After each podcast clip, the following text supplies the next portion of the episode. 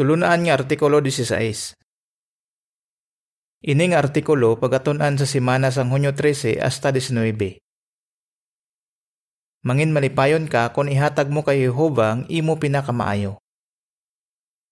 Teksto ang ginbasihan sining artikulo. Dapat usisaon sang kada isa ang iya kaugalingon nga hinimuan. Galacia 6.4 Ang bahanon 37 Bugos kalag nga mag-alagad kay Jehova. Ang binagbinagon sa sining artikulo. Kung obserbahan naton ang maayo nga ginahimo sang iban sa ila pag-alagad kay Jehova, makabulig dinhi sa aton tanan. Pero hindi naton dapat pag-ikumparar ang aton kaugalingon sa iban. Kay kung ikumparar naton ang aton masarangan nga himuon sa masarangan nga himuon sang iban, posible masubuan kita. Maluyahan sang buot o kon mangin bugalon. Buligan kita sa ning artikulo nga malikawan ini kag mangin malipayon. Para po uno, pamangkot. Ano ang makahatag sa aton sang matuod nga kalipay? Gusto ni Jehova nga mangin malipayon kita. Masiling naton ini bangod ang kalipay isa sa mga kinaiya nga ginapatubas sang iya balaan nga espiritu. Bangod mas malipayon ang nagahatag sang sa nagabaton, makabatya kita sang matuod nga kalipay kung ginahimo nato ng aton bugos nga masarangan sa pagbantala kag sa pagbulig sa aton mga kauturan. Para po dos kag tres pamangkot sa A. Base sa Galacia 6.4, ano ang duha ka butang nga makabulig sa aton nga makapabilin nga malipayon sa aton pag-alagad kay Jehova? Pamangkot sa B. Ano ang binagbinago naton sa sining artikulo? Ginsambit ni Apostol Pablo sa Galacia 6.4 ang duha ka butang nga makabulig sa aton nga makapabilin nga malipayon. Ini nagasiling, gani, dapat usisaon sang kada isa ang iya kaugalingon nga hinimuan. Kag kung makita niya nga maayo ini, magkalipay siya. Apang hindi niya dapat pag ipaanggid ini sa hinimuan sang iban. Una, dapat naton ihatag kay Jehova ang aton pinakamaayo. Kung ginahatag naton sa iya ang aton pinakamaayo, dapat kita malipay. Ikaduha, hindi naton dapat pag ang aton kaugalingon sa iban. Ang aton masarangan nga himuon nagadepende sa aton kusog, sa kondisyon sa aton lawas, sa paghanas nga aton nabaton kag sa aton ikasarang. Pero anuman ang aton masarangan nga himuon, dapat kita magpasalamat kay Jehova. Kay man, naghalin sa iya ang tanan nga ara sa aton. Kung may mga utod naman nga mas maayo magbantala o kung magtudlo sa iban sang sa aton, dapat kita malipay kay ginagamit nila ang ilay kasarang para dayawon si Jehova, hindi para magpabugal o kung para lang sa ila kaayuhan. Gana imbes nga kompetensyahan sila, dapat naton sila ilugon. Sa sining artikulo, tunan naton kung ano ang makabulig sa aton kung nagaluya ang aton buot, bangod hindi na naton mahimo ang tanan nga gusto naton nga himuon sa aton pagalagad kay Jehova. Binagbinagon man naton kung paano naton gamiton ng aton mga ikasarang sa pinakamaayo nga paagi kag kung ano ang matunan naton sa halimbawa sang iban. Kung limitado na lang ang aton mahimo. Para po 4 pamangkot. Anong posible nga rason kung nga nagaluya ang buot sa pila sa aton? Maghatag sing halimbawa. Kung tigulang nakita ako nagamasakit, hindi na naton masarangan ang tanan nga gusto naton nga himuon sa pag-alagad kay Jehova.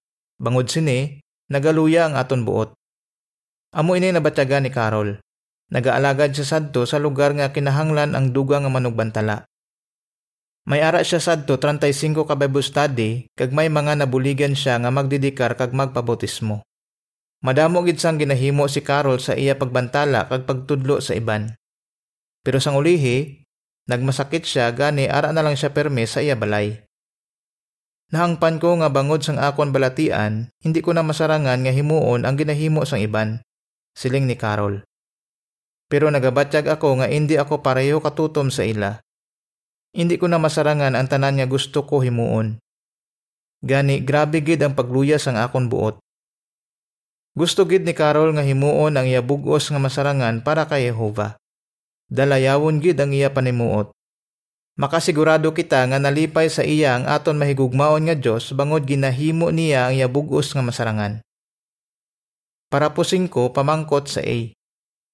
Ano ang dapat naton dumdumon kung nagaluya ang aton buot Bangod hindi na naton masarangan ang tanan nga gusto naton himuon, Pamangkot sa B.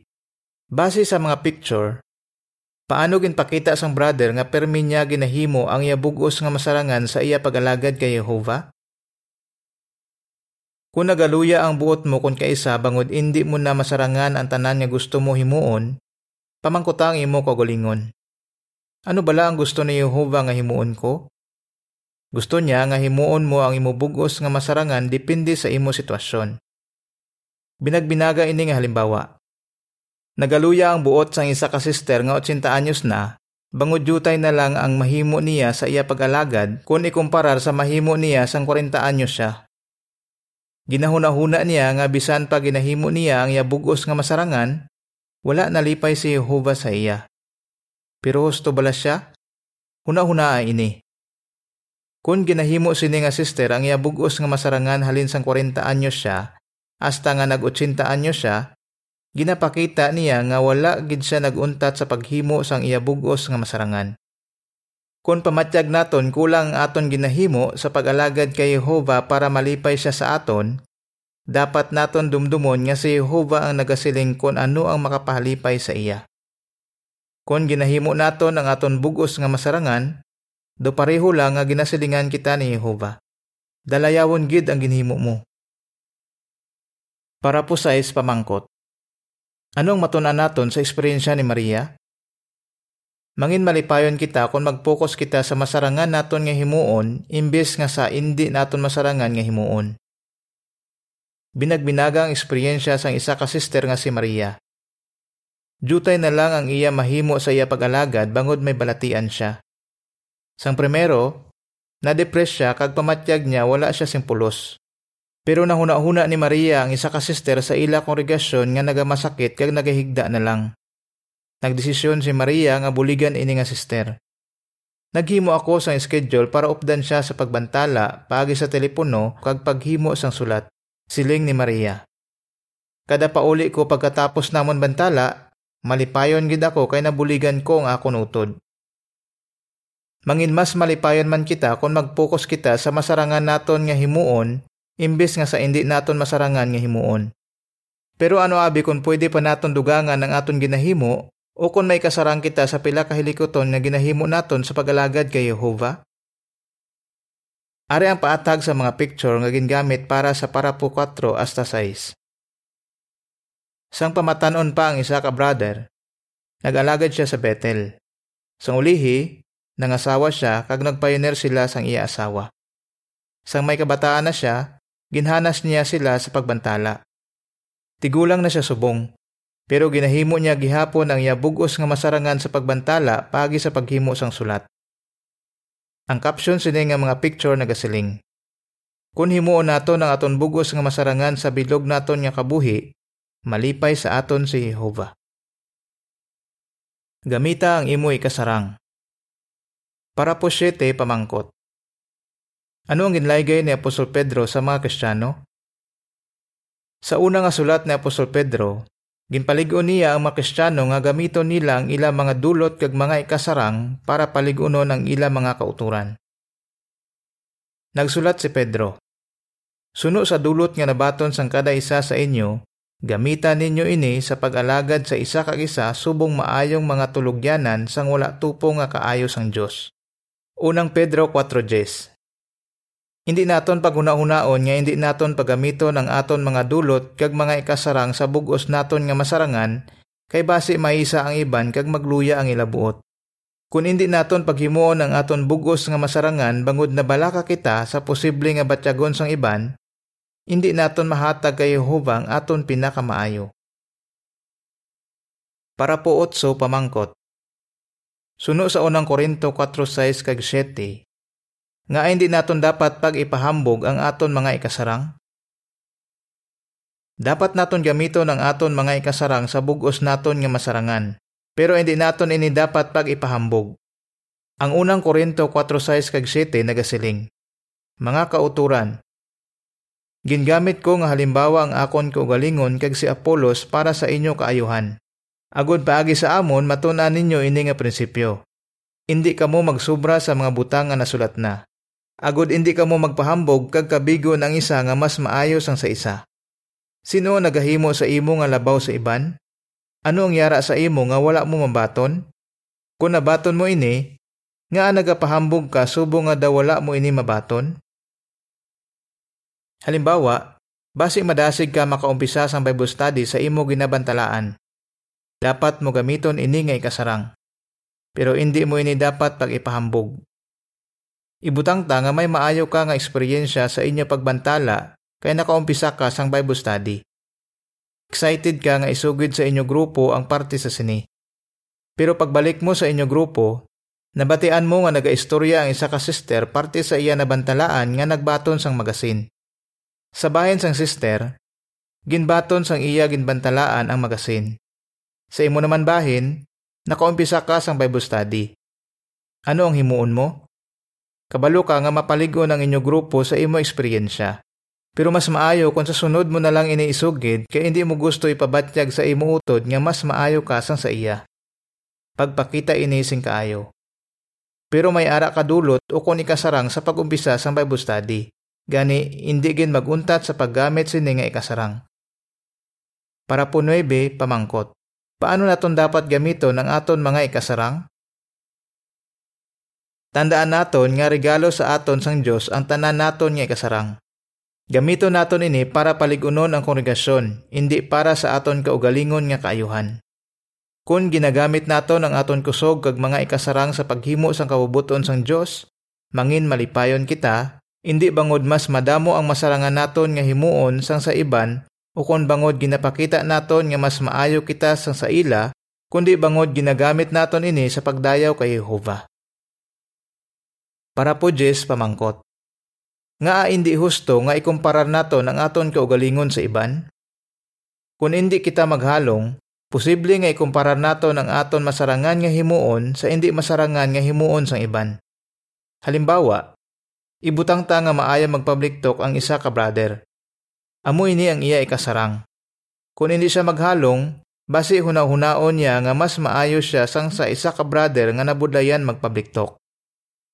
Pero posible nga mas maabi-abihon ang brother nga nabudlayan mag-public talk, maayo siya maghana sa iya kabataan, kag mapisan siya sa pagbantala. Nagapasalamat kid kita nga madamo kita sang kauturan nga ginagamit ang ila mga ikasarang sa pag-alagad kay Jehova kag sa pagbulig sa iban. Madamo kita sing matun-an sa limbawa sang iban. Para poon si pamangkot. Nga dapat naton sundon sing maayo ang halimbawa ni Hesus? Hindi naton dapat pag-ikumparar ang aton kaugalingon sa iban. Pero madamo kita sing matun-an kung obserbahan naton ang matutom nga mga alagad ni Jehova. Ang aton pinakamaayo nga halimbawa amo si Jesus. Hindi kita pareho kay Jesus nga perpekto. Pero madamo kita sing matun-an sa iya dalayawon nga mga kinaiya kag sa iya mga ginhimo. Kung ginahimo naton ang aton bugos nga masarangan para masunod naton sing maayo ang iya halimbawa, mangin mas maayo kita nga alagad ni Jehova kag mangin mas epektibo kita sa aton pagbantala. Para po 12 kag 13 pamangkot. Ano ang matuna naton kay Hari David? Sa pulong sang Dios, madamo kita sing mabasa nga maayo nga halimbawa sang matutom nga mga lalaki kag babayi nga pwede naton ilugon bisan pa hindi sila perpekto. Binagbinaga si Hari David nga gintawag ni Jehova nga isa ka tawo nga kalahamutan sa akong tagipusoon. Binuhatan 13:22. Pero hindi perpekto si David. Nakahimo pa gani siya sang seryoso nga mga sala pero isa siya ka maayo nga halimbawa para sa aton.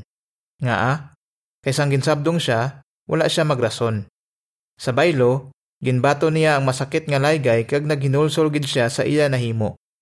Bangod sini, ginpatawad siya ni Jehova. Makatuon kita kay David paagi sa pagpamangkot sa aton kaugalingon. Ano ang reaksyon ko kung ginalaygayan ako? Ginaako ko baladayon na akong sala o kung nagarason pa ako? Ginabasol ko bala dayon ng iban? Ginapanikasugan ko gid bala nga hindi masulit ang akong sala? Pwede mo man ini ipamangkot samtang ginabasa mo ang iban pa nga halimbawa sang matutom nga mga lalaki kag babaye sa Biblia. Pareho bala sa imo problema ang naeksperinsiyahan nila nga kabudlayan? Ano nga dalayawon nga mga kinaiya ang ilagin pakita? Sa kada halimbawa, pamangkota ang imo kaugalingon. Paano ko mailog ining matutom nga alagad ni Jehova? Para po 14 pamangkot. Ano ang benepisyo kung obserbahan naton ang maayo nga halimbawa sang aton mga kauturan? Makatuon man kita sa halimbawa sang aton mga kauturan.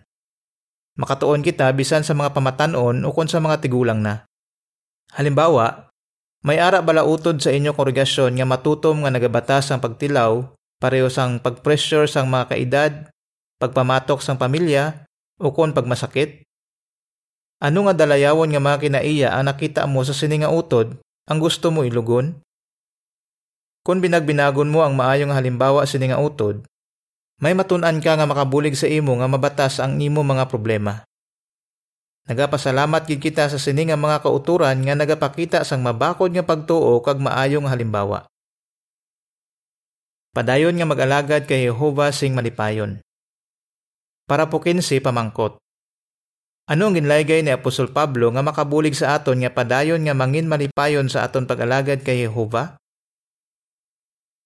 Para hindi madula ang paghidaet kag hindi maguba ang paghiusa sang oregasyon, dapat himuon sang kada isa sa aton ang aton bugos nga masarangan. Binagbinaga ang mga Kristiyano sang unang siglo. Lain-lain ang ila mga dulot o kon mga ikasarang, kag lain-lain man ang ila mga responsibilidad. Pero wala sila nagkompetensyahanay, kag wala sila nabahin-bahin. Sa baylo, ginpaligo ni Pablo ang kada isa sa ila nga dapat nila himuon ang makapabakod sa lawas sang Kristo. Nagsulat si Pablo sa mga taga-Efeso. Kung ang tag sa kabahin nagapanghikot si nagakaigo, nagabulig ini sa pagpatubo sang lawas samtang ginapabakod sini ang lawas paagi sa gugma. Efeso 4.16 ang mga nag-aplikar sang laygay ni Pablo nakabulig para hindi madula ang paghidait kag hindi maguba ang paghiusa sang kongregasyon. Makita gihapon naton ini sa aton mga kongregasyon subong. Para po 16 pamangkot. Ano ang dapat naton panikasugan nga himuon? Panikasugi nga hindi pag-ikumparar ang imo kaugalingon sa iban. Sa baylo, tun-i ang halimbawa ni Jesus, kag tingwai nga ilugon ang iya mga kinaiya. Binagbinaga ang maayo nga halimbawa kag mabakod nga pagtuo sa mga alagad ni Jehova sang una kag sang aton mga kauturan subong. Kung padayon mo nga ihatag ang imo pinakamaayo, makasalig ka nga matarong si Jehova kag hindi niya pagkalimtan ang imo binuhatan. Ang Hebreo 6:10 nagasiling. Kay ang Dios matarong kag hindi niya pagkalimtan ang inyo binuhatan kag ang gugma nga ginpakita ninyo para sa iya ngalan paagi sa pag-alagad kag sa padayon nga pag-alagad sa mga balaan. Padayon nga mag-alagad kay Jehova sing malipayon, kay kabalo ka nga nalipay siya kon ginahimo mo ang imo bugos nga masarangan. Ano ang imo sabat? Nga hindi naton dapat pag-ikumparar ang aton kaugalingon sa iban? Nga pwede kita gihapon mangin malipayon sa aton pag-alagad kay Jehova bisan palimitado na lang ang aton mahimo? Ano ang benepisyo kung obserbahan naton ang maayong halimbawa sang iban? Ang bahanon 65. Padayon.